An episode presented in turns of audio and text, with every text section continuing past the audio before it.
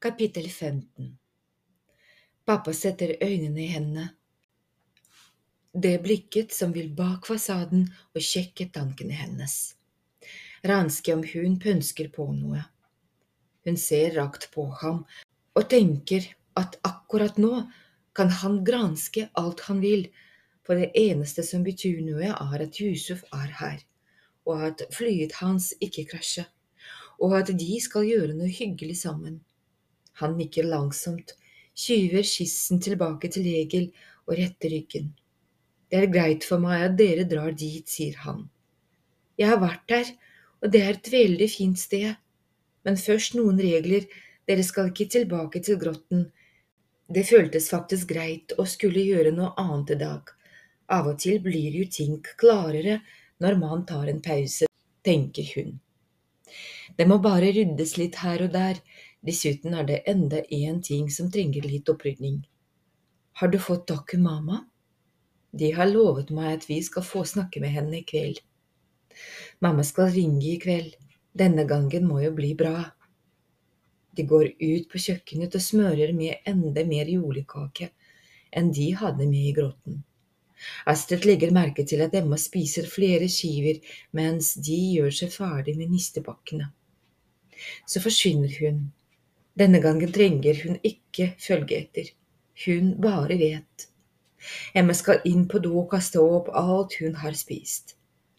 Hun kikker bort på Søs og Line. Ingen av dem ser ut til å reagere. Er dere helt blinde? Ser dere ikke hva som foregår? Da Emma kommer opp på rommet der Astrid skifter til turtøy, lukter hun som vanlig tannkrem, og så ser hun forferdelig trist ut. Jeg vet ikke om jeg vil være med, sier hun. Hvorfor ikke, spør Astrid. Jeg føler meg ikke bra. Er det fordi du kaster opp? Slutt å mase. Det lille blå lyspunktet, denne gangen renner det nedover hjertet hennes. Små perler på den hvite Marius-genseren. Astrid kjenner beskjeden som en klo i brystet. Emma trenger hjelp, og det begynner å haste. Jeg trenger at du er med, hvisker Astrid. Hvorfor det, du har jo Yusuf her nå. Vær så snill, ber Astrid. Line kjører dem over broa og helt til parkeringen ved Torghatten camping. Det er en ganske bra tur opp til hullete fjellet, men der er det sol og et par plussgrader, og de bærer med seg hvert sitt sitteunderlag slik at de kan være der så lenge de ønsker uten å fryse på rumpa. Egil og Yusuf legger av gårde i voldsomt trav, nesten som om de konkurrerer om å komme først opp. Astrid slår følge med Emma. De rusler rolig oppover. Emma er stille. Astrid er ikke i tvil. Hun har det skikkelig problematisk. Enda de ikke er bestevenninner, tar hun sjansen. Du har en spiseforstyrrelse. Jeg har kontroll, har jeg sagt. Astrid vet ikke hva hun skal si. Kan man ha kontroll når man spyr opp all maten man spiser? Kanskje hun ikke burde sagt noe. Jeg aner ikke hva man kan gjøre. De går videre, side om side, uten å si noe. Du har alltid mobilen på lydløs, sier Astrid etter noen minutter. Er det fordi du er med i en gruppe hvor flere har det som deg? Emma svarer ikke, men det blå blinket smalt i bakken rett foran dem på stien.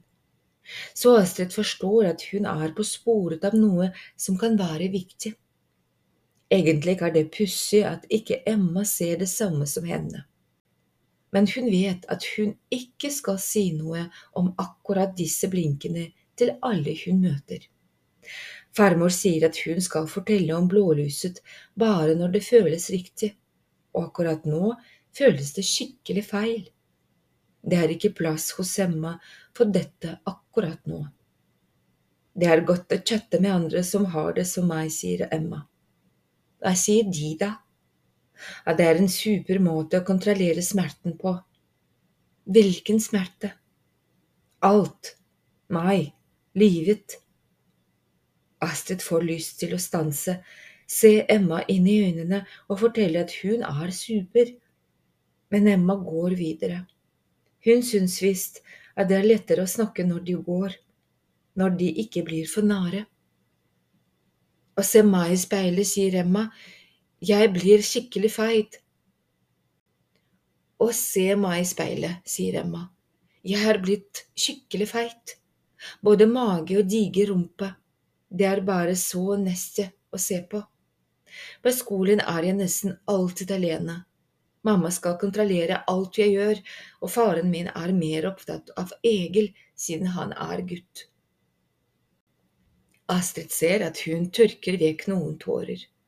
Det er deilig å spise, og enda deiligere å kaste det opp igjen. Dessuten vil jeg ikke ha noe fremmed til magen. Hæ? Mat er vel ikke noe fremmed? Jo, alt som kommer utenfra er ekkelt. Det er derfor jeg har kontroll, skjønner du. Astrid skjønner ingenting ut over at noe er i ferd med å gå veldig galt for Emma. Hun skal til å spørre om hun kan fortelle dette til farmor, da huset roper på dem. Han har stanset ved et skilt som viser veien til toppen.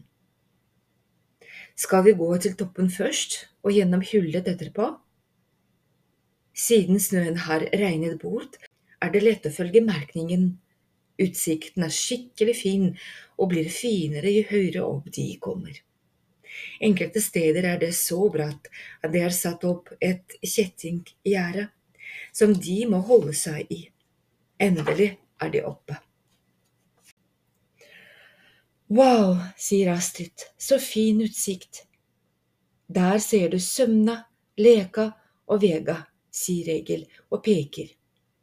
Og helt der borte er de syv søstre, og Brøynesund er der nede. Idet de bestemmer seg for å ta fatt nedover mot hullet til fjellet, oppdager Astrid at Emma har gått langt ut mot kanten, der det er på det aller bratteste. Hva er det hun driver med? Emma, roper hun og kjenner at hun blir redd. Gå tilbake. Emma rører seg ikke. Det er skikkelig ekkelt. Hvorfor står hun der? Hvis man faller ned der, da går det galt. Astrid nærmer seg langsomt Emma. Tenk om det er på grunn av alle spørsmålene mine. Kanskje det ble for mye, at hun ikke vil at noen skal vite, og nå angrer hun seg. Da ser hun at Emma vinker dem nærmere. Kom hit, sier armen. Astrid går rolig bortover mot henne. Og så gutta føler visst at det er noe som ikke stemmer, for de har blitt helt stille, de også. Astrid går først. Se, sier Emma. Nei, de er nesten framme på kanten. Jeg ser ikke noe, sier Astrid. Kom lenger ut, sier Emma uten å snu seg. Nei, sier Yusuf. Gå tilbake, det der kan være farlig. Puser, sier Emma. Jeg skulle jo bare vise dere hvor langt det er ned. Hun går tilbake til der de står. Kinnene er hektisk røde, og Astrid lurer på hva Emma ville gjort om hun var alene. De snur seg og begynner å gå. Det tar ikke veldig lang tid å komme seg ned til hullet. Inni hullet er det ekko, men nå roper de ikke det kan gå ras, og dessuten er det bare så snodig med et hull tvers gjennom. Geologer mener at det er skapt av istiden, sier Egil. Og så finnes det mange sagn, sier Emma. Jeg husker det som sier at Torkhatten ble dannet da hestmannen i skuffet kjærlighet skjøt en pil etter Lekamøyet som rømte fra ham. Kongen i Sømnefjellet så dette og kastet hatten sin imellom, og pilen gikk tvers gjennom hatten og dannet hullet. Så rant sola, og alle ble til stein. Hun ler og løper lett nedover mot bunnen av passasjen og oppover mot trappa, nesten helt borte på andre siden. De andre skynder seg etter. Emma løper helt ut og strekker armene i været. Så roper hun. Se på fjellveggen over her, roper hun. Skynd dere! Et godt stykke over dem, rett nedenfor en liten hylle det antagelig er mulig å gå ut på om du ikke er veldig høyderedd, er det malt en bokstav. Denne gangen er det ingen tvil. Det er en diger F.